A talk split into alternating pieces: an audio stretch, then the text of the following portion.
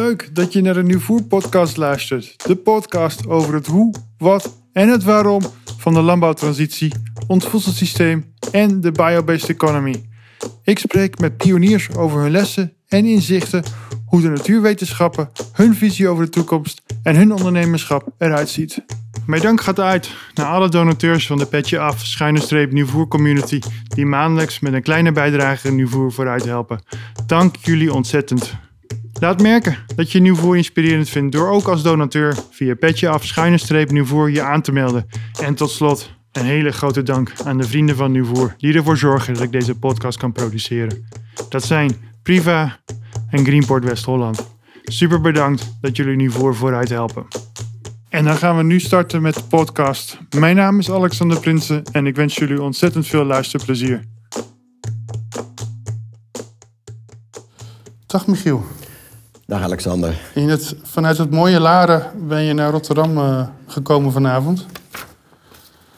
En wij, het is eigenlijk voor mij een grote eer dat ik je te pakken heb gekregen. Uh, want ik was ik ken Italië een klein beetje, zeker Piemonte en uh, de Slow Food Movement. En toen ik in jouw LinkedIn zag dat je ook op de Universiteit van Gastronomische Wetenschappen doseert, dacht ik, ah, dit is iemand die heel veel weet van voedsel. Ja. daar ook een mening over heeft. En vandaag zit je hier bij mij, dus dank daarvoor. Um, ik heb Michiel uitgenodigd omdat we het vandaag gaan hebben over ethiek een sociale component en een culturele component. En dat schijnt allemaal heel dicht bij elkaar te zitten.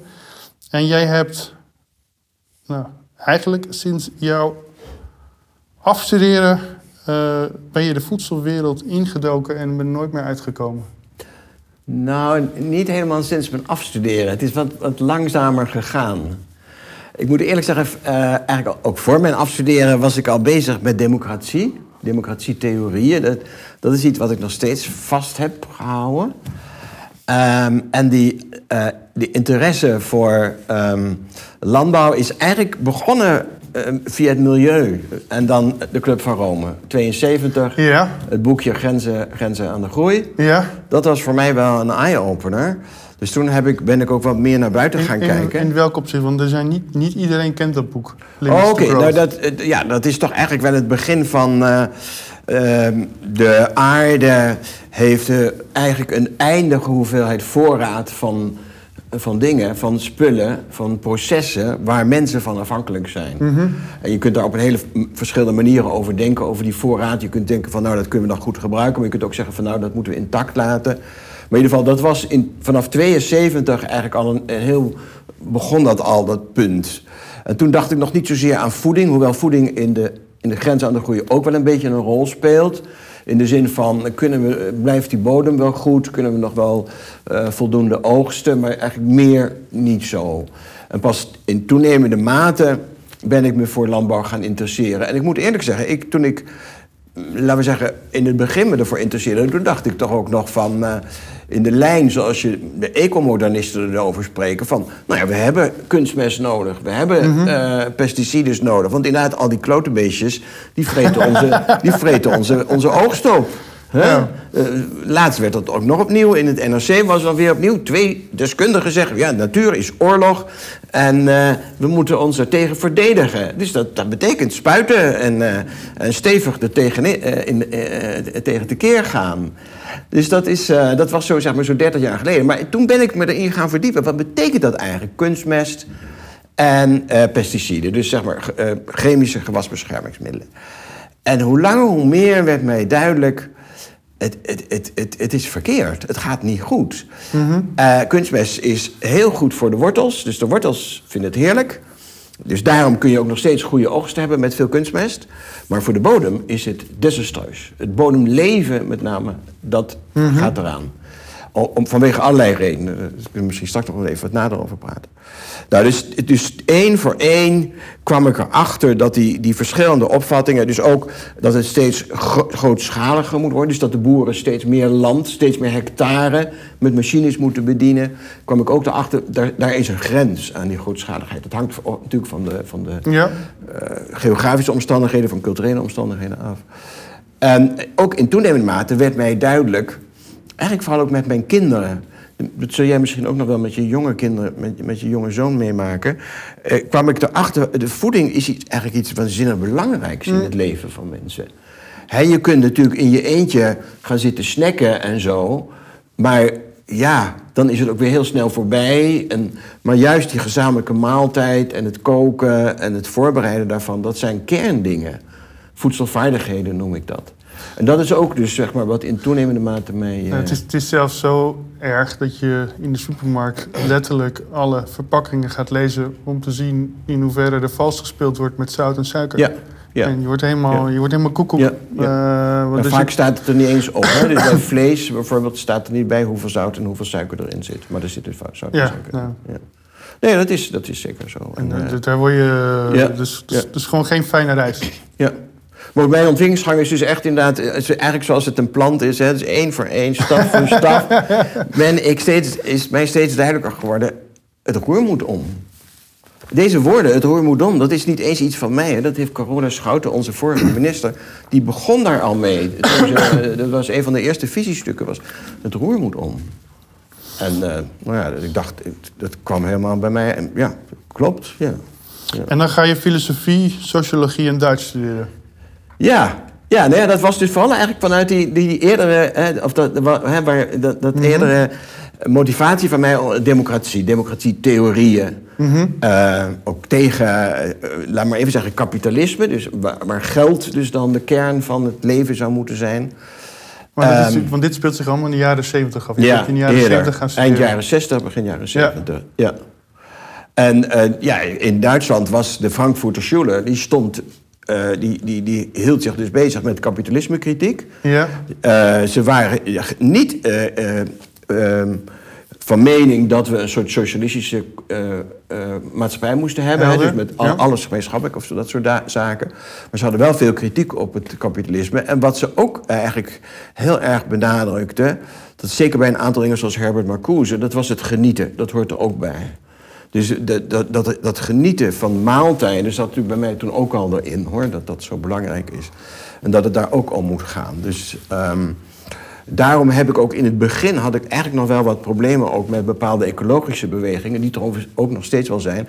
die zoveel nadruk leggen op soberheid. En dat we, dat alles, dat we alle, alle ja, Het, ver- het consuminderen en verminderen. ja, nou ja, de- de- kijk, consuminderen, daar kan ik me ook nog wel iets bij voorstellen. In de zin van eh, dat we veel te veel spullen kopen en zo, veel te veel kleding kopen. Maar dat, dat genieten moet wel een, een, een onderdeel blijven van het leven. En een betekenisvolheid van wat je aan het doen bent.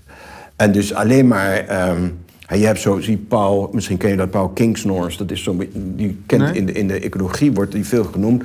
Dat is iemand die, ja, dat, is, dat zijn ook vaak van die eigenlijk enigszins paradoxale ontwikkelingen. Iemand die hoog ontwikkeld is, veel, eh, veel onderwijs heeft gekregen, weet ik wat allemaal. En die trekt zich dus nu met zijn gezin terug in het woud... en probeert daar eh, een, een leven op te bouwen. En af en toe stuurt hij dan van die, eh, van die hoe heet het, televisieboodschappen... dat we allemaal zo moeten gaan leven. Nou, ja, dat, dat, zet, dat, is, dat is het niet.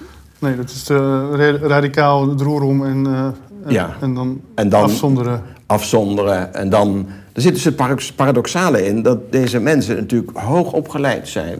Ze weten alles van technologie, daarom kunnen ze ook die videoboodschappen uitzenden, et cetera.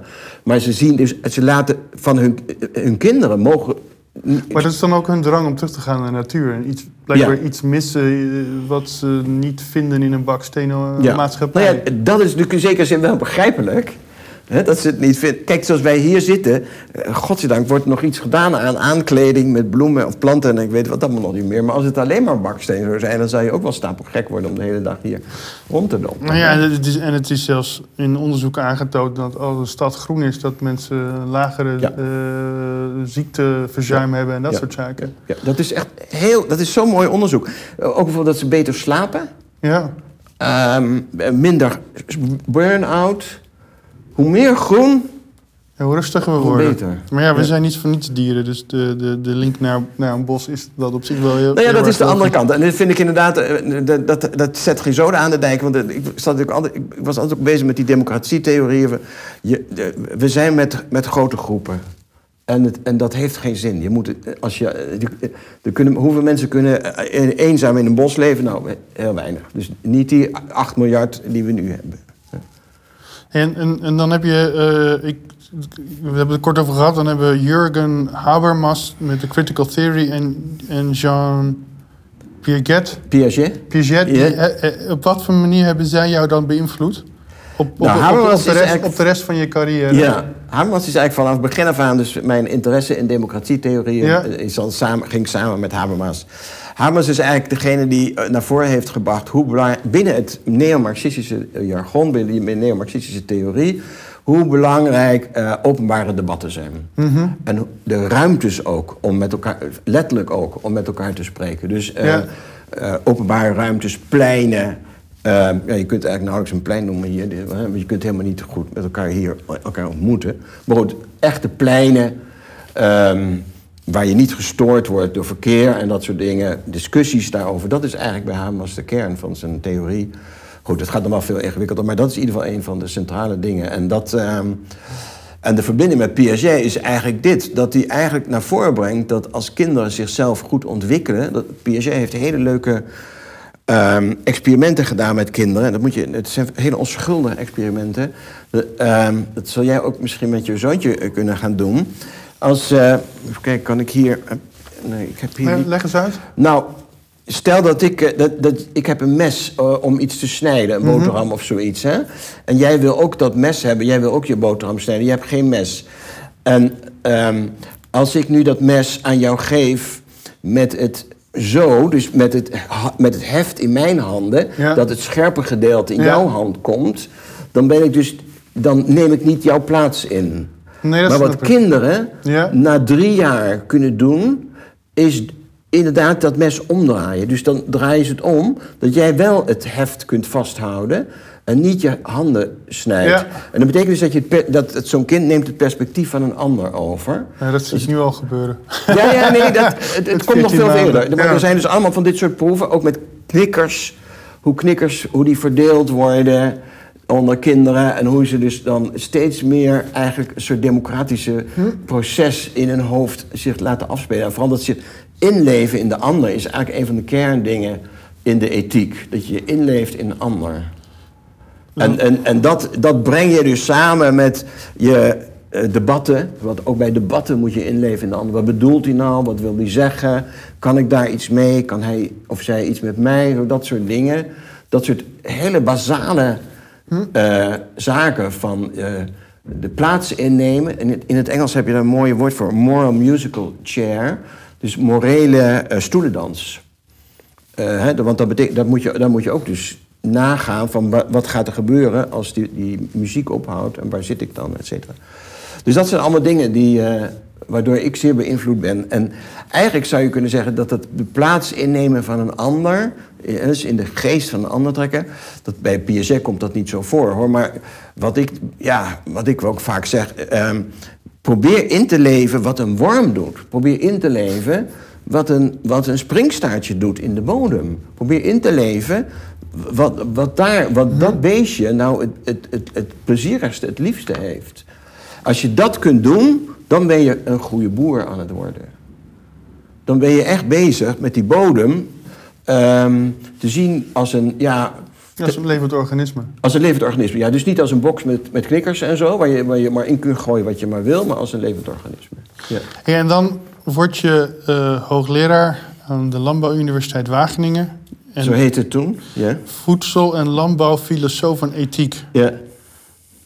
Wat betekent dat? Wat, wat, houdt, dat wat, wat houdt dat dan in, zo'n zo'n rol? En, en, en waarom ben jij dat geworden? Ja, eerst even wat houdt het in? Nou ja, de, de meest voor de hand liggende vragen die hebben te maken met van um, hoe ver mogen we gaan bij het domesticeren en het behandelen van dieren. Want dat is dus wel wat de meeste mensen wel denken. Ergens zijn er grenzen. We mogen dieren eigenlijk niet opsluiten als, ze, als hun leefruimte is lopen in de wei. Mm-hmm. We mogen eigenlijk niet, dan kom ik op een vrij heikel punt, wat best nu speelt ook wel. We mogen niet het kalfje van een uh, moederkoe uh, afhalen zodra als het beest geboren wordt. Want het zijn zoogdieren en die, die, die, die band is heel belangrijk voor de, voor de opgroei van het kalfje, maar natuurlijk ook voor die moeder. Um, dat zijn ethische kwesties. En daar speelt nog bovenop, uh, mogen we die koe of die runderen, mogen we die zodanig veranderen dat de melk niet meer allergie oplevert. Dat betekent, heb je het over genetische modificatie. En we hebben hier in Nederland natuurlijk een, een discussie gehad. Toen ik in Wageningen begon, speelde dat de stier Herman, zo 92, Ja, oh, dat- 93. ja, dat was nog wel en dat ging dus over eh, productie van melk, wat niet allerg- eh, allergieën zou opleveren, voor zover ik me kan herinneren. Dat heeft erg veel teweeggebracht in Nederland. En sindsdien is het verboden om eh, eh, door gedomesticeerde dieren, in Nederland in ieder geval, genetisch te modificeren. Maar eh, er is nog steeds weer de druk opnieuw, want er zijn nieuwere technologieën die het allemaal makkelijker maken om beesten te veranderen. En eh, nou ja, wat men dus zo langzamerhand...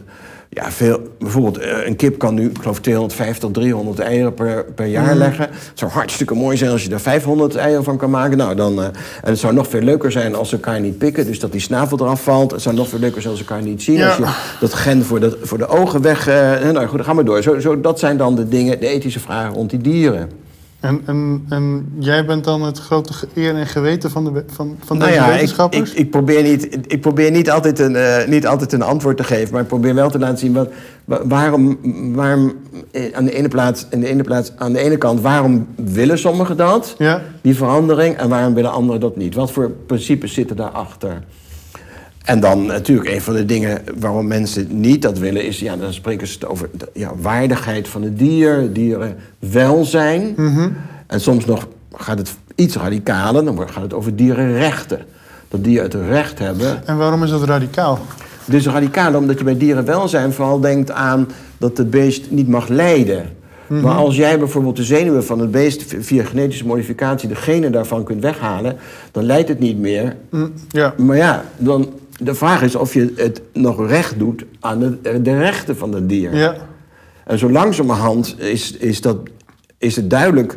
eh, bijvoorbeeld eh, in Zwitserland hebben de dieren, gedomesticeerde dieren ook rechten. Dat is in Nederland nog niet, maar de discussie is er wel eh, erg bezig. En we spreken nu ook. Ik geloof in Spanje is net het recht van een rivier ook Ja. neergelegd. En daar zijn natuurlijk ook allemaal. eh, hè, De, de vragen zijn dan natuurlijk. Ook de uitvoeringsvragen zijn dat dan. Wie spreekt dan voor die rivier? Wie spreekt dan voor die kip? Wie spreekt dan voor dat konijn? Het Noem maar op. Dat zijn de volgende Ja, vragen. wie, wie spreekt dan voor het landgoed? Ja. Ja, maar goed, dat, dat zijn. eh, eigenlijk zou je kunnen zeggen. ehm, ja, we zien de. no- ik denk dat de meeste ethici wel de noodzaak zien. om te spreken over rechten van dieren. Maar de, de uitwerking ervan, wat het precies betekent, zover. Dat, Maar dat betekent dat als we de natuur een rechtspersoon maken, ja, dan komt hij aan de onderhandelingstafel. ja, En dan is het ook een stakeholder. ja. Maar het zijn natuurlijk altijd weer mensen die daarvoor. die dat vertegenwoordigen. Hè? Die, dat, Ja, helaas wel. Eh, maar wat, wat betekent dat dan, dat, dat dan filosofisch in, in dat soort vraagstukken? Want ik bedoel, er, er, is het, er zijn een aantal mensen bezig om de natuur in de boord te krijgen. Dat de, de- aan de, in de directiekamer Ja. één stoel vertegenwoordigd wordt Ja. door moeder natuur. Ja. Dat, daar, daar, daar, dat is de, de analogie eh, Ja. op wat je zegt. Ja. Eh, maar dat, dat doet toch wel wat met het denkkader van diegenen die daar eh, om de tafel zitten. Ja. Ja, kijk, wat, wat natuurlijk een heel gebruikelijk iets was van degene die vaak om die tafel zaten en die dus de rechten van dieren en rivieren et cetera niet accepteerden. Want ze zeiden van oké, er zijn hier dan hele zeldzame hamsters en dan moeten wij onze bouw daarvoor vertragen. Dan denk je nog steeds dat de mens dus de enige aardbewoner is en dat de rest die kan stikken, zeg maar. Hè? Maar zo langzamerhand komen we natuurlijk achter dat we niet de enige aardbewoner zijn. En dat het zelfs, als je rekening houdt met de toekomstige generaties, dat we ten eerste daar rekening mee moeten houden. Die leven dus nog niet. Ja. En ook die kun je rechten toekennen. Dan krijg je weer hetzelfde probleem. Wie zei dat dan? Maar als je op langere termijn kijkt, bijvoorbeeld, nou, jouw zoon. Wat voor leven zal die hebben over 10 jaar, over 20 jaar, over 30 jaar? Maar dan jouw kleinkinderen over 100 jaar. Eigenlijk op een gegeven moment zijn de rechten. Eh, la- nee, laten we zeggen, de vooruitzichten van onze klein-klein-kleinkinderen. die verschillen niet zoveel van die vooruitzichten die andere dieren hebben. Dus eigenlijk komt daar een antropocentrisch perspectief, dus een perspectief wat alleen aan, over mensen denkt, Ja. en een natuurperspectief komen op de lange termijn bij elkaar. En op de lange termijn moeten we dus rekening ermee houden ja, dat, de, dat de aarde leefbaar blijft. Voor ieder geval mensen en zoogdieren en anderen. En dan worstelen we wel, want dat is wat zei je ook in de voorbespreking. Vanaf 1600 zijn we natuurlijk een soort van kolo- kolonisatieroute ingegaan. Waar de westerse maatschappij zichzelf als heerser van de beschaving ziet. Ja, Eh, ja als heerser van de natuur. Van heerser van de, natuur. aarde Maar dat is, al, dat is al bijna nou ja, 450 jaar. Ja. ja. Hoe, hoe gaan we dat? Dat verander je niet zomaar. Dat, dat, dat zit geworteld in heel veel onderdelen van de maatschappij. Ja, daarom is het ook zo moeilijk nu die verandering. Maar die verandering is natuurlijk heel erg nodig. Ik bedoel, het IPCC-rapport van een week geleden gaf het nog opnieuw aan. Ja, maar dan, dan de, de, eh, Don't Look Up of Look Up, die film van Netflix, Ja. laat wel duidelijk zien Ja. dat pas, Ja. pas als de Armageddon er is, dat, dat wij als mensheid in beweging komen. Ja, toch zijn er ook wel ver- eh, echte radicale veranderingen ge- gekomen. Ja, Niet direct over natuur, maar bijvoorbeeld, nou, denk even aan eh, kiesrecht. ja. Ehm, zitten nu twee- 2022. Rond 1850 was het kiesrecht was voor een honderdste, een duizendste van de bevolking. ja. En dat is ook in, in de loop van, van 70 jaar is 100%, is dat 100% geworden voor mannen en vrouwen. En toen ik nog ehm, studeerde, ik was dus 20 of 21, mocht ik nog niet eens stemmen. Nu mag je met je 18e stemmen. Hè? Dus de, de- zo zijn er allemaal, er zijn wel al radicale veranderingen. Dus ik, ik heb wel hoop dat we die verandering kunnen doormaken. Want vergeet niet, we moeten wel ook een beetje genuanceerd denken over die filosofische traditie. Er zijn natuurlijk best wel filosofen, ik denk, noem even Rousseau, die de natuur voorop stellen. Mhm. Die dus zeggen van de mens moet leven met de natuur, et cetera. Dus er zijn wel filosofen die daar wat, wat meer over nagedacht hebben. En bijvoorbeeld ook over dieren. Schopenhauer is een van de allerbekendste... die eigenlijk het lijden van dieren ook voorop stelt. En, Ja. eh, dus er zijn, er zijn wel filosofen die dat wat, die, die wat genuanceerder daarover ja en ik heb ook die Bruno Latour, Ja. genoemd. Dat is nog een hedendaagse eh, filosoof Ja. en socioloog. Die heeft geloof ik zo'n jaar of 10, 15 jaar geleden ook de ommezwaai gemaakt van aardbewoner. Dat, dat, zo moeten we ons opstellen. Ja, En dat, als- zodra als je je ziet als aardbewoner, dan weet je dat de andere organismen ja, ook dat je niet de enige zijn. bent. Dat je niet de enige bent. En dat je daarmee moet dealen. Wat willen zij? Wat kunnen wij, wat kunnen wij voor hen betekenen? en dat betekent dan wel dat het dus een, een, in het westers denken...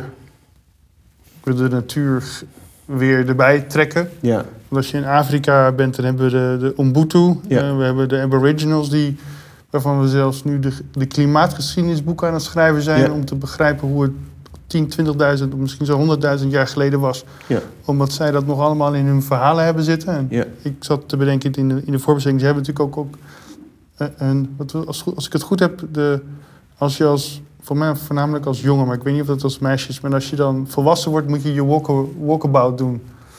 Dan ga je een jaar lang de natuur in Mhm. en, en dan leer je eh, de, de, de, de, de kunde van, van je omgeving en, en dingen zien die je normaliter niet ziet. ja.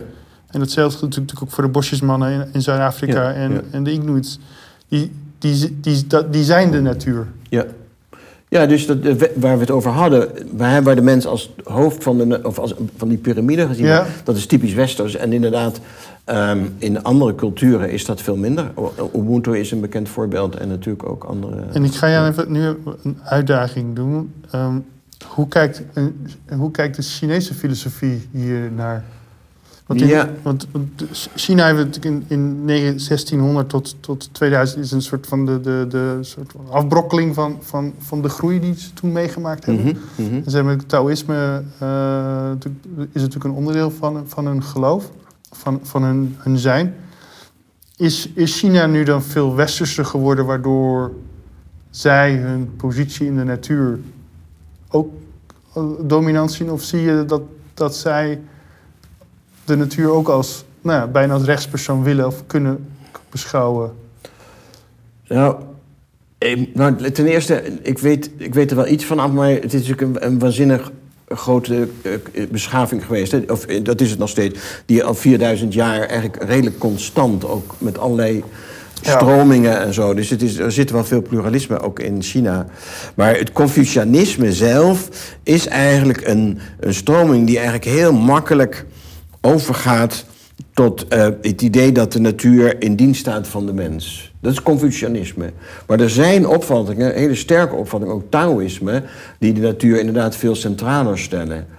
Wat wel, wat wel een punt is, wat in veel van die, ehm, eh, Chinese stromingen eh, ontbreekt, is dat het idee van ehm het democratische idee: iedereen heeft evenveel recht op zijn mening, iedereen heeft evenveel recht op het vormgeven aan zijn leven, aan zijn eigen leven. En, en dat, dus dat, dat democratie-idee. Dat is wel iets wat niet, eigenlijk niet altijd in, in die grote belangrijke stromingen, het zijn drie of vier stromingen, eh, naar voren komt. En dat is dus waar- waarvan ik dus zie of denk dat dat in de westerse filosofie eigenlijk heel sterk naar voren is gekomen. Het idee van mensenrechten, ehm, menselijke waardigheid is eigenlijk wel een kernpunt van de. Dus je zou kunnen zeggen, ja, je moet het kind niet met de ba- badwater weggooien. Ja. Enerzijds wel die natuuroverheersing zit heel sterk, maar die andere kant is er ook. Nee, want ik, ik, ik, ik besef me dat we, als we het over de Westerling hebben, dan is het ook belangrijk dat je ja, de, de andere grote ja, machten of stromingen, landen, de- dat je die ook meeneemt in het, Ja, in het geheel. Want anders kijk je veel te veel van, vanuit een, een blanke ja. eh, naar het verhaal. En vervolgens heb je in Wageningen bij Purdue, University van Turijn en zelfs bij Princeton Ja. gastcolleges. Ja. Geven. Uh, Purdue, in welk land is dat? Dat is de VS, dat is eh, de mid eh, in, eh, in Indiana. Dus je hebt in die, eh, en, en Princeton is ook Amerika. Ja, aan de, aan de, aan de eh, oostkust. Hoe, hoe, hoe is daar dan ethiek en filosofie en, en, en wat heb jij daar kunnen brengen? Ehm, in, in Purdue was ik ehm, ehm, dik twintig jaar geleden. En ehm, daar is een hele grote universiteit, 50.000 studenten. En ook een technische universiteit, hè, Mhm. waar dus, de, dus ook het, eh, het maken heel erg voorop staat. En daar ging het ook wel over die, die grenzen aan, aan het, het manipuleren van dieren.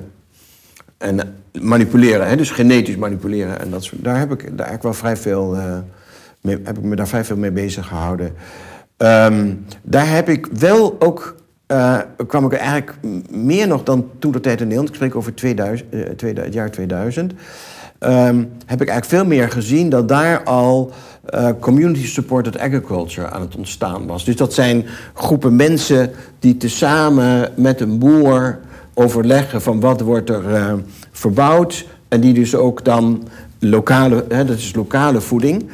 En nou ja, in de VS, die afstanden zijn natuurlijk enorm. Dus daar ga, kan je je wel afvragen of dat wel zo duurzaam is. Want die kwamen natuurlijk allemaal met hun grote trucks.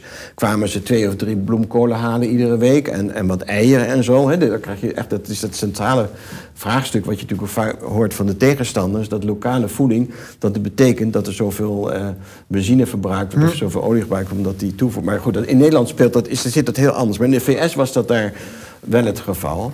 Maar daar heb ik dus wel iets gezien van hoe, eh, hoe landbouw ehm, mensen met elkaar kan verbinden. Hoe communities ontstaan. Door landbouw. Door dus dat je bezig bent met de bodem, met wat groeit er nu, wat willen we daar laten groeien, eh, wat kunnen we daarvan eten voor maken. Eh, allemaal dat soort dingen. En in Princeton is het natuurlijk wat. Ja, Princeton is, eh, die, dat is een wat chicere universiteit. Purdue is dus inderdaad technisch, dat, ja, dat geldt niet zo chic, zeg maar eventjes. Hè. Dat heet ook een Land Grant University. Ja. Land Grant Universities in de VS, die moeten eh, een bepaald gedeelte, misschien een tiende of zo, iets doen aan de omgeving. Laten we zeggen, de staat waarin ze zitten. En Princeton is niet de Land Grant University, maar is een privé-universiteit. Dus gewoon eigenlijk vooral betaald wordt door eh, de, grote, de hoge ehm, eh, collegegelden die de studenten moeten betalen. Ehm, en daar heb, ik, eh, daar heb ik dus met Pieter Singer eh, veel gesproken. Pieter Singer is een van de allereerste die naar voren bracht dat, ehm, dat dieren in de eh, intensieve veehouderij mishandeld werden. Animal Liberation is een van zijn bekendste boeken. Ja. Ik dacht dat het ook zo uit 72 stond, maar dat weet ik niet helemaal. Misschien iets eerder. Dat, eh, ja. En ehm, hij is dus eh, heel erg sterk. Eh, hij, hij hanteert een, een, een stevig begrip van welzijn. Ja. En hij heeft grote problemen met het begrip recht. Dus eh, daar heb ik veel discussie over gehad. Van ja, maar als jij dat doet, dan, hè, als je denkt van dat die welzijn, dat dat het belangrijkste is voor dieren, wat doe je dan met die kippen? als je daar via genetische manipulatie het zenuwstelsel weg kunt halen, ja, want dan voelen ze niks meer. En dan, dan, gaan ze ook niet piepen als, eh, als ze niet meer kunnen lopen of, of dat soort dingen. Is- hè, Dan zijn ze gewoon vleesklompen, maak je ervan. En ik moet eerlijk zeggen dat we daar niet echt uit zijn gekomen. Dus nog steeds, soms zegt hij nog wel eens het begrip recht. Ja, dat is handig. Ik zie dat mensen daar, daarop, daar positief, veel positiever over denken dan wel zijn. Dus dan maakt hij die, die, eh, het argument voor om, om, met, om, om over rechten van dieren te spreken, maakt hij dan eigenlijk een soort populistisch iets van. van ja, dat, en, en het is niet een, in, meer dus een, een- hoe zou ik het zeggen, een, een argumentatie die ervan uitgaat van oké, dit zijn zoogdieren net als wij en et cetera. Ja, recht en welzijn. Dus, Ja. eh, dat is denk ik een, eh, een, een... Maar je ziet dus hoe belangrijk dat recht wordt. Hè? Want inderdaad, dan krijg je dus wat je, dat, dat punt wat je net zei. Dieren gaan mee zitten aan de directietafels van bedrijven. Dat, dat noemt men tegenwoordig zoocoöperatie. Zooparatie. Dus Oké. niet coöperatie, maar zooperatie. Ja, daar, en ik, ik zie daar wel wat in. We moeten het uitzoeken. Het is, een, eh, het is een grote opgave voor veel mensen om daar echt goede vorm aan te geven. En toch denk ik dat het nodig is. Ja. En Turijn, ik, heb een, ik ken de, de, de, de Technische Universiteit van Turijn en vooral de architectuurafdeling. Eh, Luigi Bastiani, ik weet niet of je hem ooit ontmoet hebt. Nee. Eh, heel veel systemische aanpak, eh, onder andere ten aanzien van de slow food movement. Ja, ja. Wa- wel- welke rol heb jij daar in Turijn toen gehad? De, was het de Technische Universiteit? Of? Nee, het was de gewone universiteit, maar ik zat bij de, de plantwetenschappers. En die zitten in, in het noorden van Turijn. Ja. Ongeveer 30 kilometer tegen de Alpen aan, zeg maar. Oh, in de Slow Food Valley. Ja, ja. Ja, en dat was... eh, en daar ging het dan inderdaad ook om die, die kwestie van eh, genetische modificatie van planten. Ja, Is dat zinvol? Want je kunt net zo goed als je dieren kunt eh, genetisch modificeren, in principe in ieder geval genetisch kunt modificeren, kun je ook planten proberen genetisch te modificeren. Bijvoorbeeld dat je zegt van, eh, dat is in Nederland eh, een bon ton zo'n beetje, van oké, die ehm, planten eh, nemen CO2 op via zonlicht en, eh, en, en, eh, en eh, water, H2O. Maar ze doen dat veel te, eh, veel te inefficiënt. En wij, als we het een beetje gaan eh, manipuleren, dan kunnen we dat veel efficiënter maken. Nou ja, dat soort kwesties heb ik toen met die studenten behandeld. Van ja, hoe ver, waarom doe je dat eigenlijk? En waarom denk je dat het zinnig is om een plant te isoleren van bodem en de rest, en ook van de evolutie van planten? Want dat heeft een bepaalde reden waarschijnlijk dat die, eh, CO, dus de, de omzetting van CO2, eh, of de opname van CO2 door planten, dat die niet altijd zo efficiënt gebeurt. Volgens menselijke maatstaven. Dat heeft wel een, waarschijnlijk een het is nog bepaalde steeds het meest efficiënte zonnepaneel dat de natuur ooit ontwikkeld heeft. Ja, nee, klopt. Ja, nee, maar dat is natuurlijk het mooie. Het is goed dat je dat zegt, want dat vind ik ook wel een mooie eh, uitspraak. Ja, ik vind het ook wel een mooie uitspraak van eh, wie heeft het eigenlijk uitgevonden? Zwemmen, vliegen. Ja, de natuur, alles. Ja, de vogels.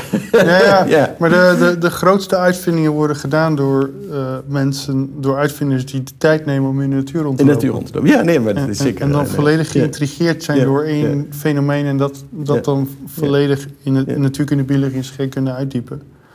Ehm, want eh het de bruggetje wat ik wilde maken ehm, was en is. Nou, la- laten we het via. Ik ben hem eventjes kijken, maar laten we het. Want dan is eigenlijk de, de, het, gevolg, het feit dat jij een universiteit van gastronomische wetenschap dan nog doseert, is dan het gevolg van jouw ervaring in Turijn dan? Maar dat is ook in de Nee, niet zo. Nee, dat zit echt een beetje, Oké. Want eh, nee, dat is een beetje onafhankelijk van elkaar gegaan. Ik weet eigenlijk niet. eh, ik heb dus boeken in het Engels geschreven en artikelen in het Engels geschreven. Dus zo. eh, En toen belde, toen belde ze Michiel, kun je bij ons klopt. doseren? Ja, ja. En sinds, sinds mijn pensioen doe ik dat dus niet meer. Hè? Want in Wageningen was natuurlijk heel sterk op Engelstalige publicaties geschreven. Ja. Moest allemaal eh, in toptijdschriften, weet ik het meer. Dus dat was voor mij een enorme bevrijding. Dat ik zeg, nou, ik wil nu echt gewoon in het Nederlands schrijven. Ik wil En in Nederlands... lang, hoe lang ben jij met pensioen? Wat zeg je? Hoe lang ben je? Ik ben nu eh, eh, zeven jaar. Oké. Ja. Nee, joh, langer, van 2014. Het is acht jaar, ja. Wauw. Dat is al bijna een decennium, man. Maar, want eventjes voor eh, eh, ook het verhaal. Want gastronomische wetenschap en, en filosofie... en jij hebt daar nog een aantal doctoraalstudenten mogen Ja. begeleiden. Ja. Wel, waar focust die universiteit zich dan op en waarin zijn zij dan anders? Want ik, in onze voorbespreking had ik het gevoel... het is misschien zelfs nog een hotelschool... maar dat is het eigenlijk helemaal niet. Nee. Zit- er zit wel een hotelafdeling, maar Ja, nee. dus niet alleen... eh, ja. En, en, en systeemdenken is dan wel weer best wel centraal. Dus, Ja. dus wat. Wat, wat maakt deze universiteit zo bijzonder en waar heb jij een rol in vervuld? Nou, ik denk dat het bijzondere van de universiteit is dat eh, eigenlijk bij alle... Want er zijn wel verschillende afdelingen, meer gericht op wat er op het bord ligt. Meer wat, eh, wat er uit de, wat, hoe, je, hoe je de grond behandelt en alles ertussen. Eh, ook smaakonderzoek en dat soort dingen. Ook bevrediging, hè, waarvan wanneer voel je je nou bevredigd met eten? Eh, Allemaal dat, dus dat is meer, meer maag-darmonderzoek en dat soort dingen. De kern is toch wel dat eh, bij al dit soort dingen eh, het, he- het hele systeem, de hele keten steeds meegenomen wordt, van begin tot eind. En, en ook weer terug. Dat, dat is eigenlijk de kern van de opleiding. Dus zeg maar, zowel in de bachelor als in de, in de eh, major. En wat ik doe is, is de, de studenten begeleiden die de dissertaties schrijven. En dat zijn er een stuk of acht. Samen met een aantal anderen hoor, ik ben niet de enige. En dat gaat natuurlijk weer allemaal verschillende dingen, heel speciaal. Eh, de ene eh, is bezig met pasti- ehm, hoe heet het, gebak en dat soort dingen. Maar wat hij dus ook deed, dat, dat hoort dus ook bij dit hele systeem. Die heeft eh, gebakscholen opgericht in vluchtelingenkampen in Libië en in Marokko. Dus de, de, de, je probeert voeding steeds een, een centralere plaats te geven in communities en in gemeenschappen.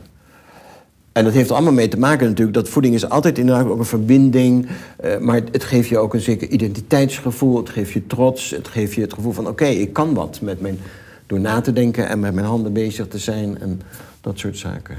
Ja. En ehm, ja, nou, het is verder een, het, is een, eh, een universiteit die heel goed geregeld is. De financiering loopt heel mooi, omdat natuurlijk in Italië de overheden willen er graag wat aan bijdragen. Maar ook eh, de, de Parma-kaas en, en noem maar op. Ja. de, de, je bedoelt de, de eigenaar van de Parmakaas. Ja. Is dus Ja, nee, de, dus de, de, produ de producent ervan. het gevoel Ja, dat er een heel, heel verhaal achter zit. eh. Ja, ja, ja. Ehm, en als we het hebben over wat is gezonde voeding? ja. Want dat is, dat is de hamvraag nu. En, en ik heb in de voorbespreking naar uh, zoals zit vanavond hier ook uh, Michael Wilde. Dat is natuurlijk vanuit bi biologische landbouw, agro-ecologisch. Um, het voedsel moet voedzamer zijn, voller moet zijn. Mhm. Mm -hmm. En dat is eigenlijk ook de, de, de, de teneur die ik vanuit Nieuwvoer ook steeds meer naar boven Mm -hmm. krijg. Mm -hmm. Als we het hebben, want volgens mij heb jij daar ook een stuk over geschreven. De voedingswaarde neemt alleen maar af in de tijd. Ja. Ja. Uh, ik heb altijd de anekdote, we moeten nu tien tomaten eten en vroeger waren we met twee waren we al klaar. Mm -hmm, mm -hmm. um, wat is jouw, wat weet jij daarvan en, en wat is jouw kijk daarop?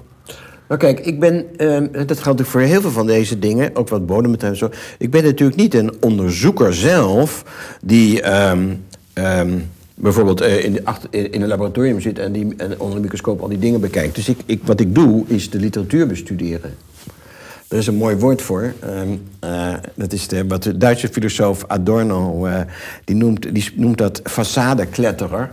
Gevelklauteraar. Dus ik klauter de gevels op en pak en, en, en loop, de, loop de, de, de, de, via het balkon uh, kamers binnen en jat daar dingen en, en et cetera. en ik ga kijken van wat, wat voor, hoe, hoe, hoe past dat allemaal met elkaar.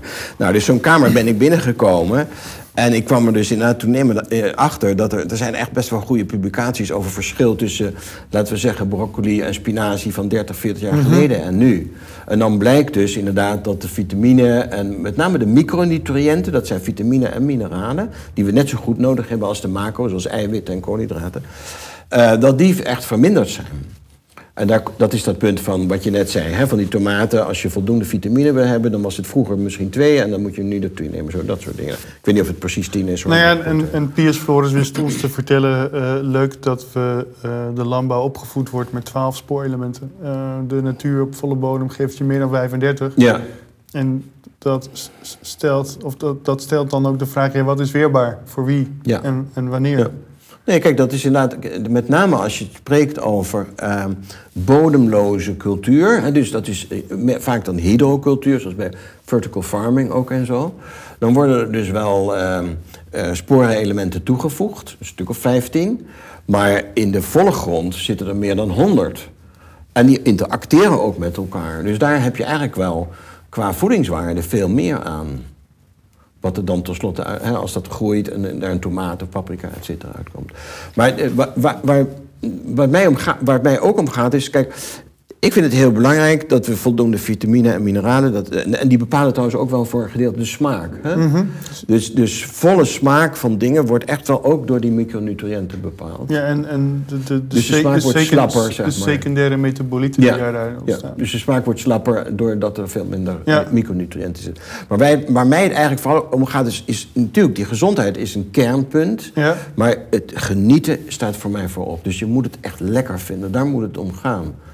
Maar, dan is er een verschil tussen lekker eten met alles erin. En we moeten het maar lekker maken omdat niet alles erin zit. Ja, dus als je het eh, lekker maakt met heel veel suiker... Dan, dan zit je aan de gezondheidskant van je eten te morrelen. En eh, verminder je dus die gezondheidswaarde van je eten. Of je maakt het lekker door heel veel zout erin, wat natuurlijk ook gebeurt. Dan, dat bedoel ik dus niet. Dat, die kant moet het niet op. Nee, maar je ziet, dat, dat snap ik. Alleen als je kijkt naar waar, eh, wat je in de supermarkten nu vindt, de, de, de brands en de eigen merken. En dat geldt trouwens ook nu voor de plantaardige en, en, en de eiwittransitie. Je ziet dat men daar vulstof in stopt Ja. om onze magen maar vol te Ja, gooien. ja. Nou ja, dat is zeker ook zorgelijk dat veel van die eh, ehm, eh, alternatieven voor vlees, eh, die worden volgestopt met allemaal Ja, vette, E-nummers, vette, en ik weet wat Ja. nog niet meer. Zijn vaak veel te zout ook, hè? dat is eh, vrij duidelijk onderzocht. Dus daar zitten echt wel, wel problemen. Dat, dat is niet, niet alle alternatieven zijn zodanig hoor, maar vele zijn zo. Ja. En, je, en wat is voor jou dan, dan, dan vanuit de gastronomie welbevinden? Ko, ik, de, de koken in perspectief, maar dat heeft ook te maken met de eiwittransitie. Waarom is voor jou welbevinden zo belangrijk als de sociale component van eten?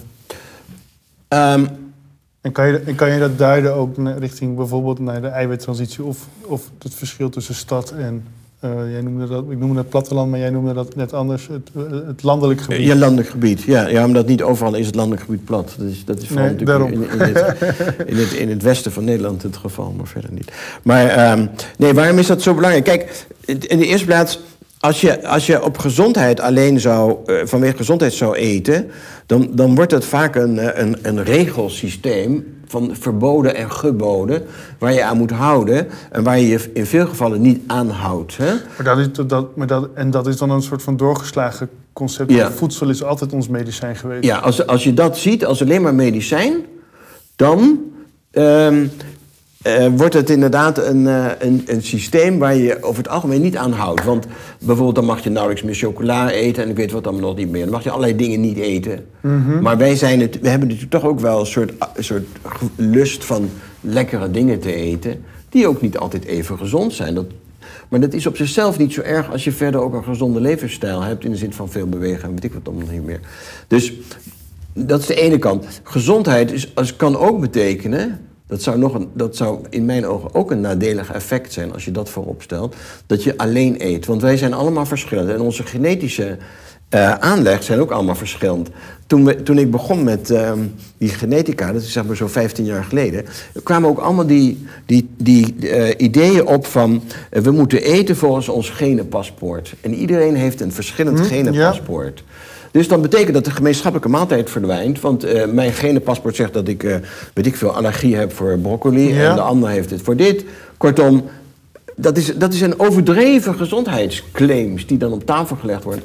En die ook waarschijnlijk moeilijk, die zijn ook nauwelijks te bewijzen. Dat, dat, eh, Dat is wel interessant, want in de topsport Ja. is dat wel lijnen. Ja. Zeker bijvoorbeeld voor wielrenners. Die hebben Ja. allemaal bijna een eigen, Ja. een eigen maaltijd die ze Ja. gezamenlijk eten. Dat is ook een, een, een hele rare trend dat mensen ook zo willen eten als die, als die topsporters. Ja, dan krijg je ook dat die dat zo'n hele eenzijdige dingen, veel eiwitten en ik weet wat allemaal nog niet meer gaan eten. En, Maar hoe... maar dat, inter- interessant punt, want... ehm, nee, zeker met een, met een kleine die ik nu heb... is, is, is gezamenlijk eten ook superbelangrijk. Dat hij snapt dat, dat, dat er Ja. bepaalde so- sociale eh, ja, etiketten, normen en waarden ook aan vastzit. Ehm, nu we ons voedsel steeds minder gezond is en de mens minder weerbaar wordt, krijgen we natuurlijk wel steeds meer allergieën en, en, en mensen die besluiten om toch vegetarisch of Mhm, vega- mhm. veganistisch te worden. Mhm. Eh, en het wordt zelfs in je sociale omgeving, wat ik af en toe ook merk, rekening houden met de verschillende eetvoorkeuren voor iedereen. En dan maar op zoek naar de, de, de, de common demoder, eh, meer de, de, de- eh, het gerecht waar je iedereen mee kan Ja. plezieren. Ja. En dat is niet makkelijk in deze maatschappij nu. Nee, dat is zeker. Nee, nee ja, wat je. Kijk, laat ik even vooropstellen dat die. het- waar mijn ideaal is eigenlijk dat, dat, je, dat mensen dus hun eigen smaak ontwikkelen. Ja, Hè? En dat is dus niet een kwestie van sociaal-cultureel, maar dat is dus van je, wat je zelf het lekkerste vindt. ja, En dat, je, en dat je dat gezamenlijk kunt doen, dat lijkt me eigenlijk wel logisch. Dat je, want je, dat je dat in gezamenlijke maaltijden uitzoekt. Dat bedoel ik ook met voedselvaardigheden. Ja. Voedselvaardigheden moet je ontwikkelen. Dus smaak kan je ook ontwikkelen. Dat je als mensen kunnen leren om eh, verschillende type boters, verschillende type kazen, verschillende Ja. type wijn, bier, et cetera, uit elkaar te kunnen. In het begin proef je helemaal dat verschil niet. Maar dat kun je, je kunt je smaak kun je ontwikkelen. En, en dat is eigenlijk waar, wa- waarvan ik, waar ik denk van... Daar, zo leer je ook genieten. Dus het genieten Ja. is, is er ook niet zomaar. Dus jouw, jouw, jouw kind zal ook ja, van alles en nog wat moeten proeven. En soms zal hij het eerst het uitspugen, zal hij het lekker vinden. Maar op een gegeven moment vindt hij het misschien toch wel weer lekker. En, maar dat is wel interessant, die redenering. Want op het moment dat je steeds meer het onderscheid kan proeven en ruiken... Want die, ja, ruiken speelt, is, een, die is 80 procent, hè? Die, die twee die spelen... Slechts 20 procent is je, in je tong. En als je, corona als je corona gehad hebt, dan heb je een paar dagen totaal geen reuk en smaak. Ja, Hoe ja. bizar is dat? Heel, heel rampzalig voor mensen is Ehm, dat. Ja. Maar dat betekent dat eten wat een smaakbom is, alleen maar kan zijn als je die secundaire metabolieten erin ook hebt zitten. Ja. Als, die alle spoorelementen Ja. gaat krijgen. Ja, ja, ja. En dan hebben we, dat, dat noemde je, heb je volgens mij ook in een van jouw, op, eh, eh, voor mij zelfs interviews. Alles wat slecht voor ons is, wordt goed, zeer goedkoop gemaakt. En alles wat medicijn is, wat goed voor ons is, wordt duur gemaakt. ja. Als je steeds een betere smaak ontwikkelt, dan neemt jouw portemonnee een steeds groter gat op om op zoek te gaan naar voedsel wat wel voedt en niet vult. Ja, dat hangt er een beetje vanaf. Eh, want een van mijn hypotheses is, en ik, ik zie dat ook wel bewezen in, we- in wetenschappelijk onderzoek, maar goed, dat, daar moet veel meer onderzoek naar gedaan worden. Dat is wel dat als je, je- als je iets lekker vindt en, ehm, en je hebt het gegeten, dan voel je je bevredigd en hoef je niet meer. Ja, Maar denk nu even aan chips. Waarom blijf je dooreten met chips?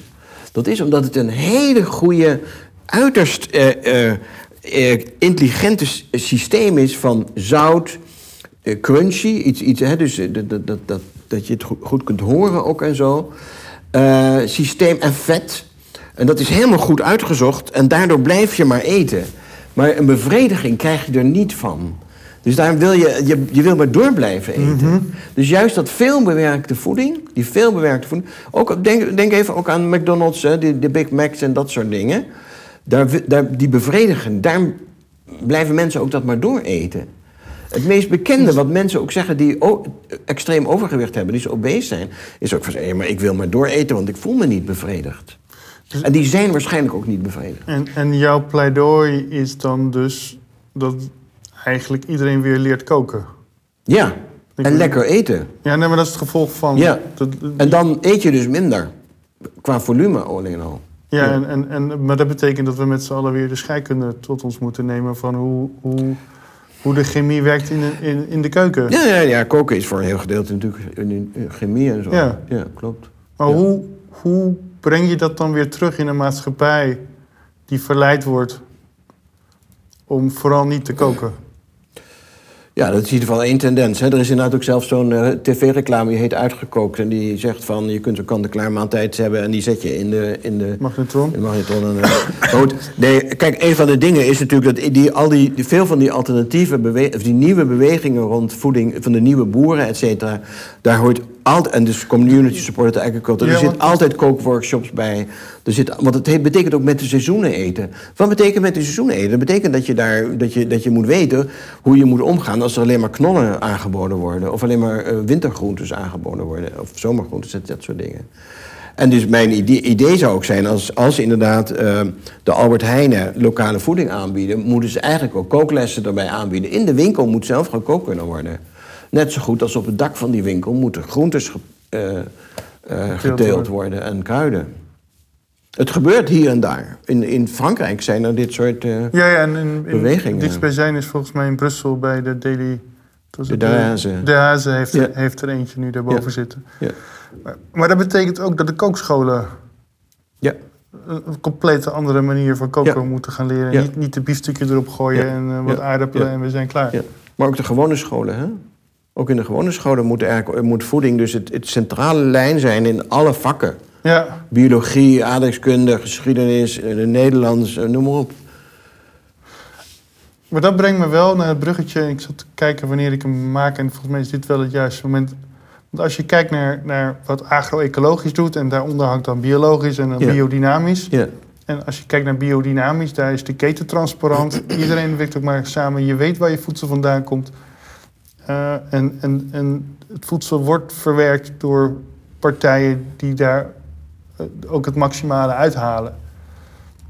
Is voor jou dan ook, in, in de visie die je hebt, is, is, is biologisch gaan dan de oplossing om het bulk van gangbaar en het anonieme wat eraan vastzit?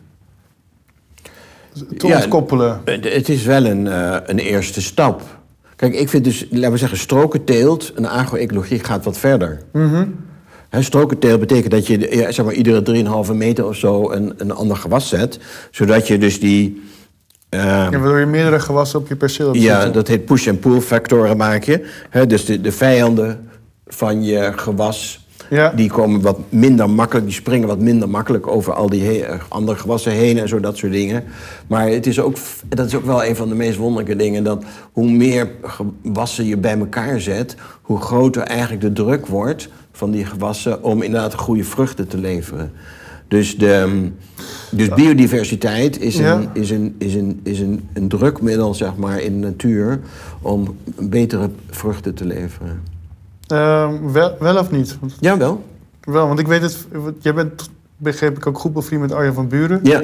Arjen is, is van alles en nog wat met elkaar Ja. in, in, in, in, de gewassen te combineren. Ja. En hij is natuurlijk ook bij ons langs geweest. En wat hij weet te vertellen is dat zelfs sommige peulen en, en, en zaden voller zijn... doordat die mixt met, Ja. met gewassen door Ja. elkaar heen. Die, Ja. Die vanuit, vanuit de, nou ja, de, de, de, gangbare landbouwgedachten totaal niet bij elkaar Ja. horen Ja. of passen. Ja. Ja, mengteelten was eigenlijk ook zelfs in Nederland voor de, voor de Tweede Wereldoorlog redelijk normaal. Oh ja? Dus allerlei teelten tegelijkertijd Ja. hebben. Het grote probleem is van, nu zeker eh, is, is de oogst. Want ze zijn niet allemaal tegelijkertijd rijp, die, Ja. eh, die gewassen die met elkaar. eh, dus, en Arjan daar, heeft er ook problemen mee. Die heeft dus een waanzinnig grote mooie machine ontwikkeld om tegelijkertijd verschillende dingen te kunnen oogsten. Maar mengteelten is, redelijk normaal. In, en in feite in, ook in alle niet-westerse culturen zijn altijd mengteelten. En dan is het vaak zelfs drie, vier, vijf gewassen tegelijkertijd. En zelfs niet alleen gewassen, maar de mil- milpa in Mexico, daar ging het ook om het telen van bepaalde eh, schimmels op planten die suiker produceerden. Oh ja? Dus oh, dan ging het ook om het, het, dus in feite om het domesticeren van schimmels. Eh, op je gewas? Op die gewas. Om meer suiker in je plant te krijgen? Nee, niet in de plant, maar om gewoon een soort nectar, een soort, soort nectar vanaf te halen. Niet in de plant. Ah, dus-, dus, niet in de plant, maar op de plant. Oh, wat grappig. Ja. Nou, ik weet wel dat in, in Brazilië is, is eh, 3D eh, landbouw eh, veel meer een standaard, waarbij je eh, mais tussen appelbomen hebt staan. Ja. Ja, ze hebben daar een mooie naam voor. Drie dochters of zoiets. Of drie familieleden. Ik weet niet precies. Hè. Dat zijn, ja. ik weet, het, enige, wat ik weet, Michiel, is dat daar het landbouwgebruik veel intensiever is. Als je het vergelijkt met, met Nederland. Omdat men daar door het seizoen heen meerdere, Ja. eh, meerdere keer je gewas van het land af kan halen. Nou ja, dat, dat is sowieso. Ja, zo, nou, kijk, die, Zeker in Midden-Amerika en, en, en Latijns-Amerika, die, die Inca's en die andere beschavingen, dat waren meesters op het gebied van landbouw. Uh, die, leg eens ons uit. Ik nou ja, die, weet die, ze hadden dus mengteelten, ze deden heel veel aan mengteelten. En op een of andere manier, bijvoorbeeld, daar waren steden um, rond 1500, dus zeg maar vlak voordat, uh, nou, iets eerder, rond 1400, vlak voordat Columbus kwam, die groter waren dan Parijs. En tegelijkertijd was die toevoer van die steden, dat was allemaal heel goed geregeld. En die mensen hadden ook waanzinnig veel vrije tijd, omdat ze zoveel eten hadden, zoveel productie hadden. Mhm. en, uh, dingen.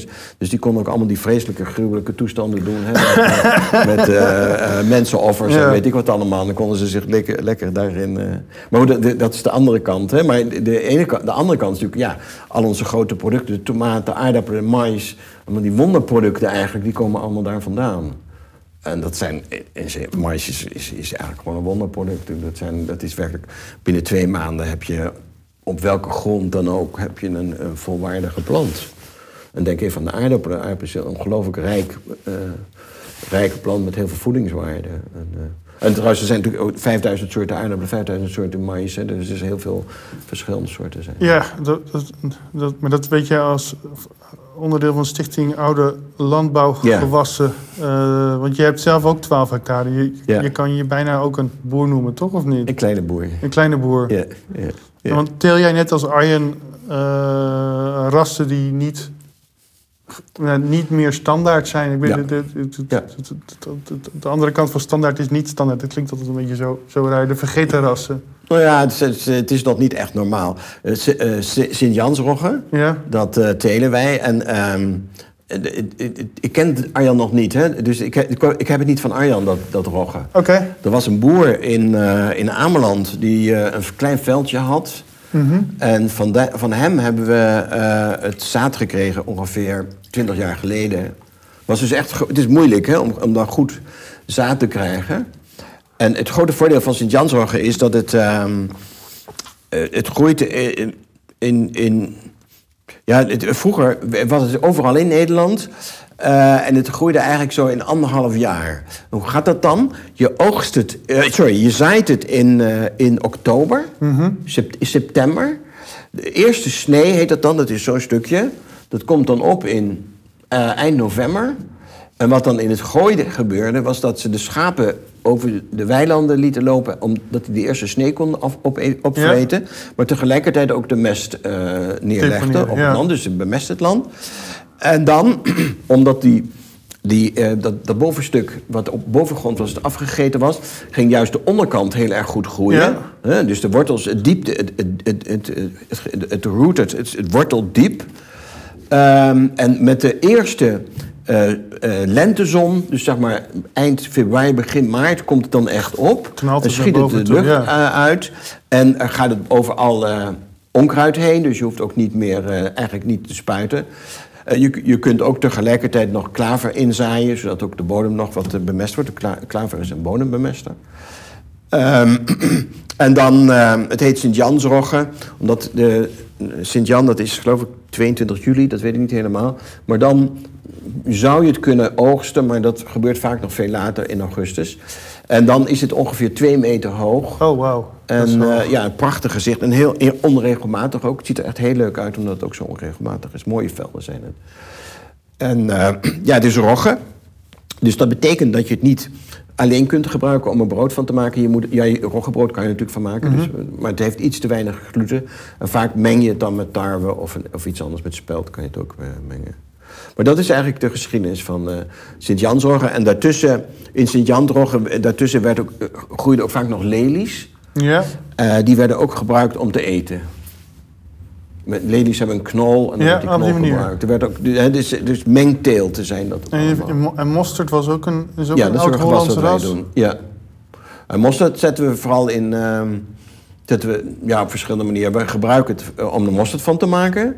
Het is heel mooi gewas. Het, het heeft een mooi geel bloemetje. Er komen heel veel insecten op. Uh, maar we gebruiken het ook als groenbemester. Uh, als het uh, bijvoorbeeld van. Dat we het, dat we het zaaien in, in oktober.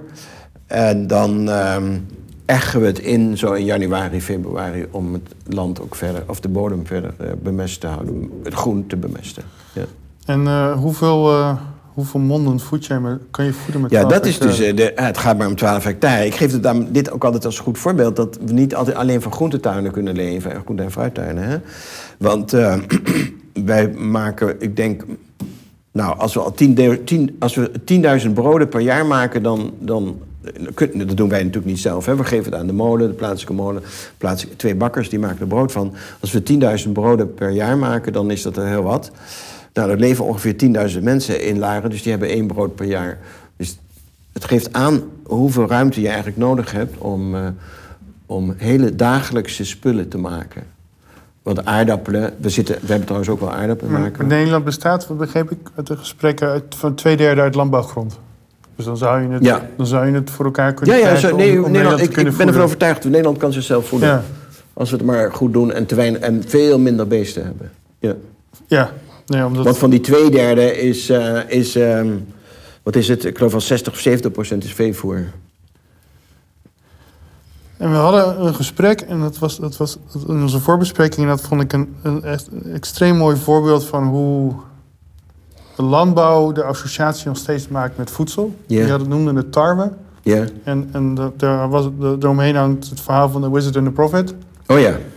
Ehm, we, we zijn heel goed sinds de jaren 70, van de jaren 70, 80... om onze gewassen zo'n hoogst mogelijke opbrengst te geven. En sindsdien is het eigenlijk nooit meer gelukt. Ja. Maar dat is alleen maar de focus op, op zaden. Ja. En niet op de stengel. Want de stengel kan Ja. je voor de bio-based economy gebruiken. Ja. Ehm, hoe, welke rol kan filosofie daar dan nog in hebben? En welk, want, want het is natuurlijk, eh, men kijkt blijkbaar dus toch nog heel eenzijdig naar... landbouw is voedsel, punt. Ja. Ter- terwijl wij weg moeten van fossiel, dus we moeten de transitie maken naar biobased. En dat is Ja. blijkbaar niet... Ja. Dat zit nog steeds niet in het landbouwgedachte. Nee. Nee, kijk, eh, als je het nog even terugbrengt naar dat, eh, wat ik net zei van die eh, Sint-Jansrogge... de, eh, die dus twee meter lang wordt... dat betekent natuurlijk dat je een stengel hebt van 1,70 meter of Ja. zoiets. En de bovenkant die gebruik je dus om te... om- dat zijn de aren, de korrels, om daar eh, meel van te maken, bloem. Eh, maar die stengel kan je natuurlijk heel goed gebruiken als, als binnenmateriaal, als isolatiemateriaal. Je kunt er van alles mee doen. En wat doen jullie? Eh, wij, ik, ik heb nu contact met mensen in Delft die gaan daar isolatiemateriaal van maken. Maar voorheen, wat wij deden, was. Eh dan ging, werd het veevoer. En dat is niet, het is niet echt makkelijk voor varkens te verteren. Of te- Weet je dat. eh, nou ja, varkens kunnen wel veel hebben. Maar dat ga- veevoer was voor koeien. En boeren die interesseert het geen bal of, of, of, of koeien eh, gras krijgen. Oh, wat waar? natuurlijk hun maag het beste is voor hun maag. Ja. Nee, die krijgen, die krijgen mais voor, over het algemeen. Dat zijn veel hardere stukken. En wat ik begrijp van veeartsen is ongeveer 15% van de koeien hebben ook allemaal last van dat ze eh, spul te eten krijgen wat eigenlijk niet goed voor hun maag is, omdat het te hard is, te dicht is. Dat koeien ook, eh, die, die- dat, je ziet ook dat verschil tussen de koeien die poepen in de weide, dat is zo'n splatsch, Ja. en de wildlopende koeien. Ehm, we gaan naar de Kennemerduinen of hier in de buurt heb je ze ook wel, hè, die, die eh, Schotse hooglanders, et cetera. Die hebben hele dikke, dikke stevige drollen. Die hebben niet die diarree. En dat heeft te maken met die voeding. ja, en ik ben opgegroeid dat, dat een koe diarree heeft. Ja, Ik kan me dat Ja. niet, niet eens meer voorstellen. Ja, dat, dat, dat, zijn, dat is zo'n splatsch, zo'n zo'n Ja, ja. zo'n- zo'n ding. Koeienvla heet dat. Ja, Ja. koeienvla. Maar dat is redelijk abnormaal. En dat heeft te maken met die voeding. Dus ja, en dat, heeft, te- dat, heet dus, dat is krachtvoer, hè? Ja. Mais en eh, dat noemt... Ja, de, Als je kijkt naar normen en waarden in de, in de landbouw.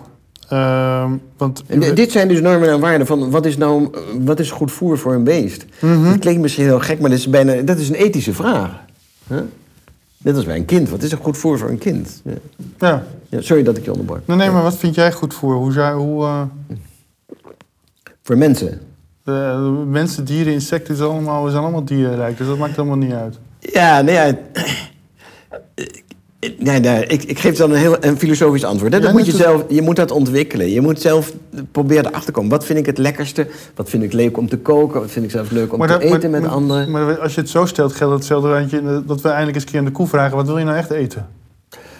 Nou ja, dat is wat lastiger. Omdat zo'n koe natuurlijk de, niet eh, de taal, over de taal beschikt. Maar die kan wel... eh, weet ik veel, je kunt die wel keuzes eh, voorleggen. Ja, Die kiest ook alleen maar wat hij lekker vindt.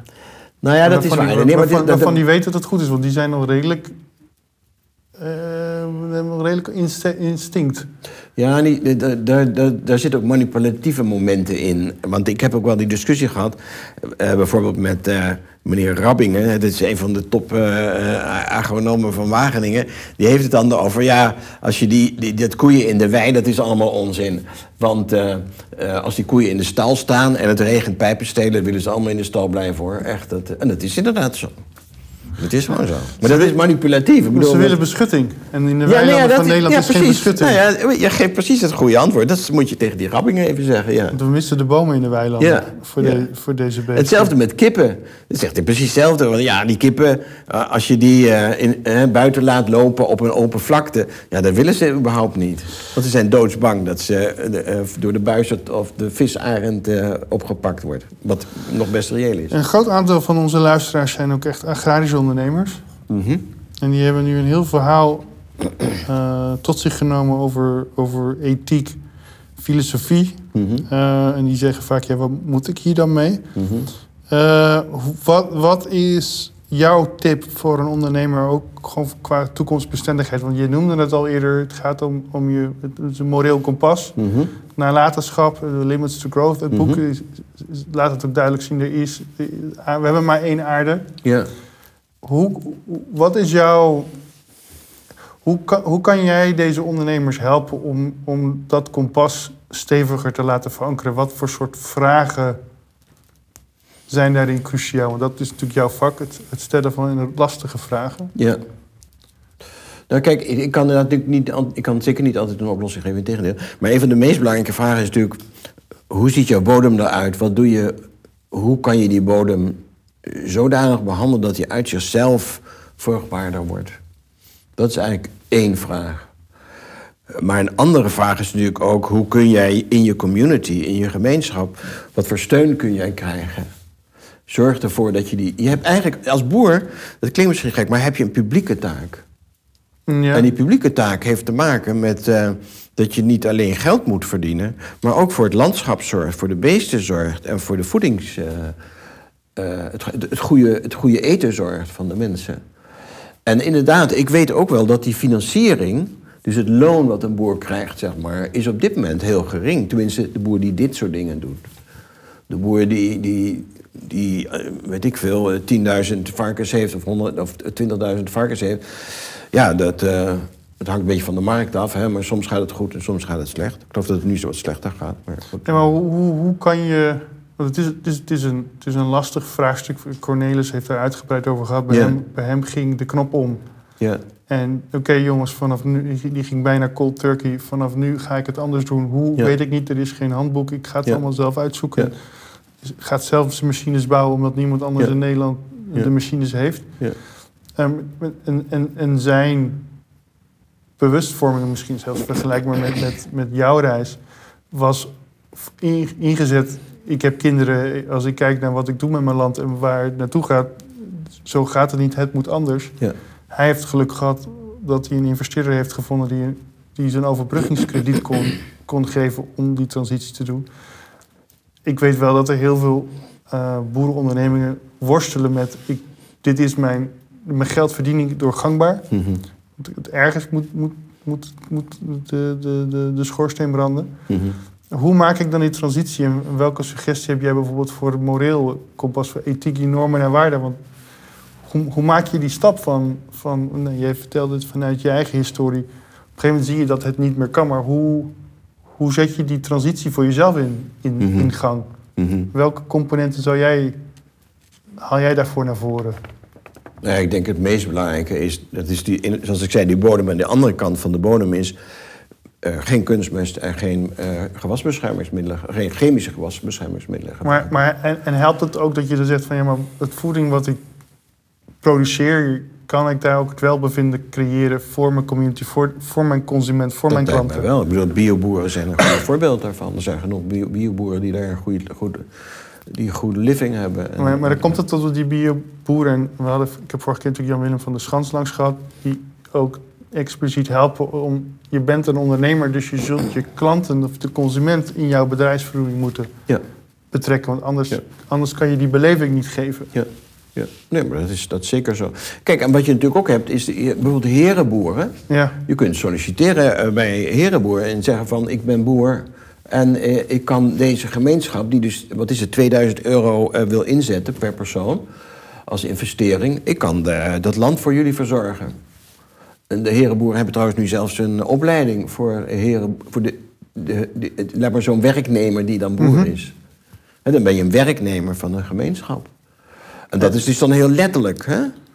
En, maar en CSA, Community Supported Agriculture, daar, is het ook nog, daar, is het nog, daar, daar heb je toch nog één boer of een, een gezin Ja. eh, die dan eh, aandelen uitgeeft aan mensen. dat is bijna een beetje Arjen, Arjen van Buren, soort van. Beetje. Ja, ja hij, heeft, Die- hij is geen eh, CSA. Nee, maar die heeft wel een heel groot lands- landschappelijke eh, eh, component in zijn bedrijfsvoering. Maar ook dat hij de lokale ambachten... Ja, die steunt hij enorm. Ja, en, Ja. en ook in zijn onderneming trekt. Ja.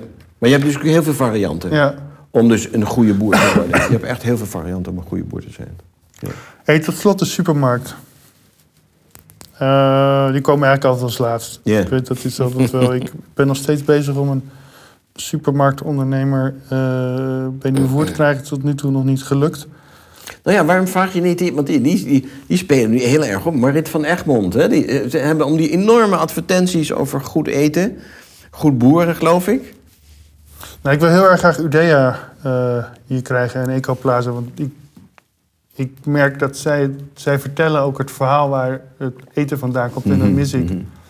Eh, bij de Jumbo's en de, en de, Ja. en de Albert. Alhoewel Ja. bijvoorbeeld Cornelis wel rechtstreeks levert Mhm. aan de Albert Heijn. Maar ik, Mhm. ik kan niet aan de aardappels zien dat het voor Cornelis is. En dat vind ik Ja. jammer, waardoor je de traceerbaarheid Ja. weg is.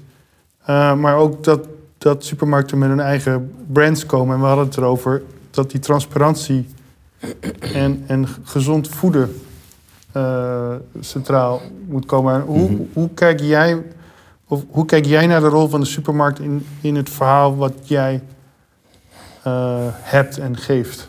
Nou ja, eigenlijk de eerste stap. Ik zou natuurlijk willen dat ze veel meer ehm, ehm, zich richten op, eh, op bio en dat soort dingen. Maar de eerste stap is in ieder geval 30% van de producten, van de verse producten, moeten lokale producten zijn.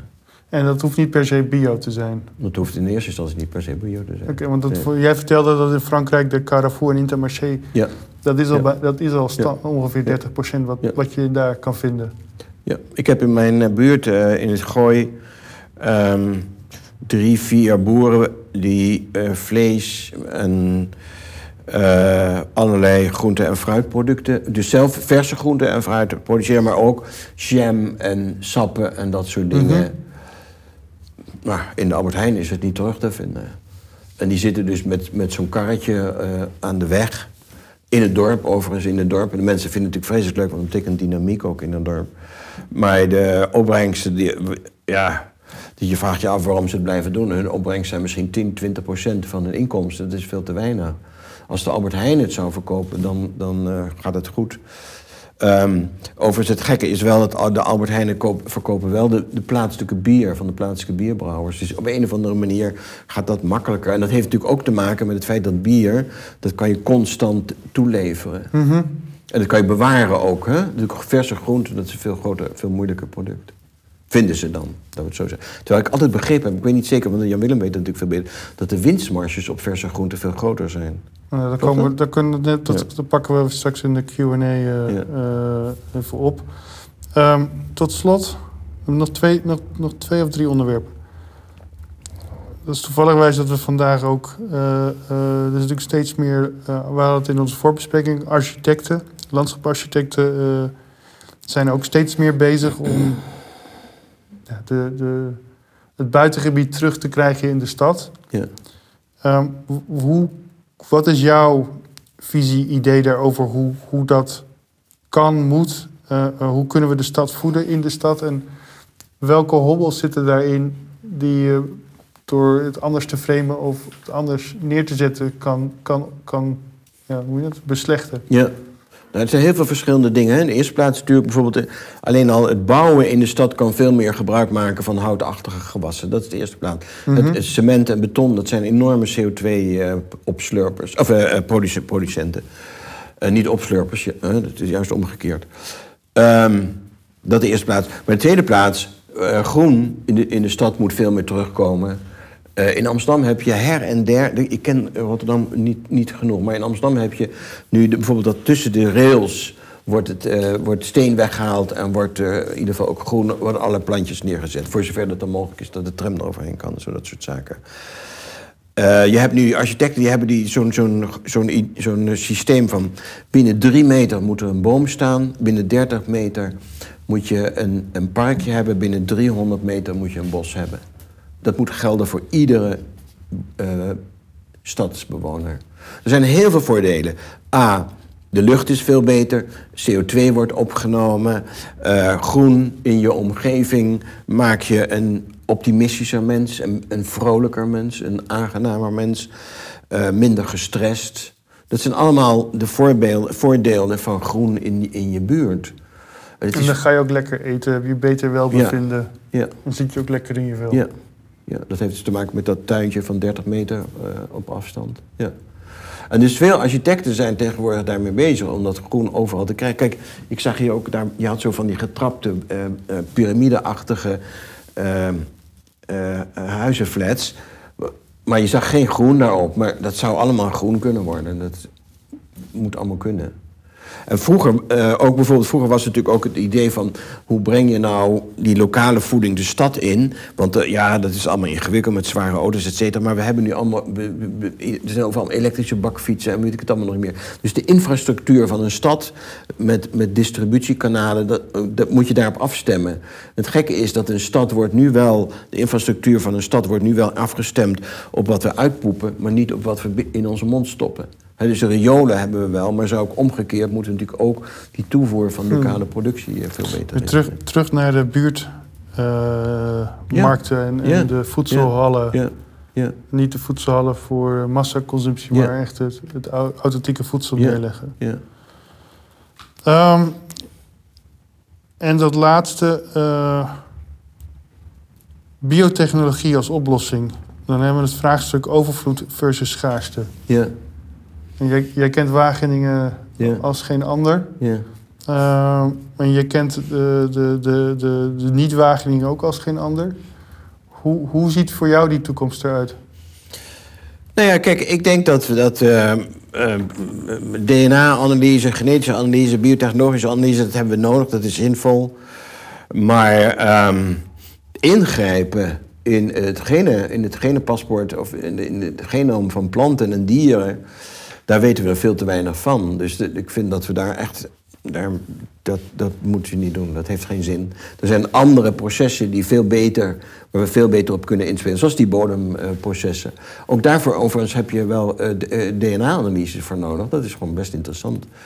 En of allerlei andere soorten analyses. Dus dat, Nee, weten, wie- weten wie er leven en, en dan uitzoeken hoe ja, in het waarom, waarom het ene wel Ja. iets, een, een, een negatief effect oplevert, inderdaad van ongezonde schimmels en, of eh, laten we zeggen parasitaire schimmels, et cetera, en de andere niet. Ja.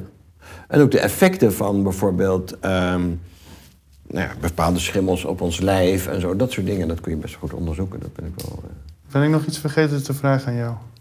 Ehm, nou ja, die voedselvaardigheid, nou, daar hebben we het wel over gehad. Hè. Voedselvaardigheid is wel voor mij echt wel een heel centraal punt. En dat betekent, het zijn dus, dat geeft meer vrijheid.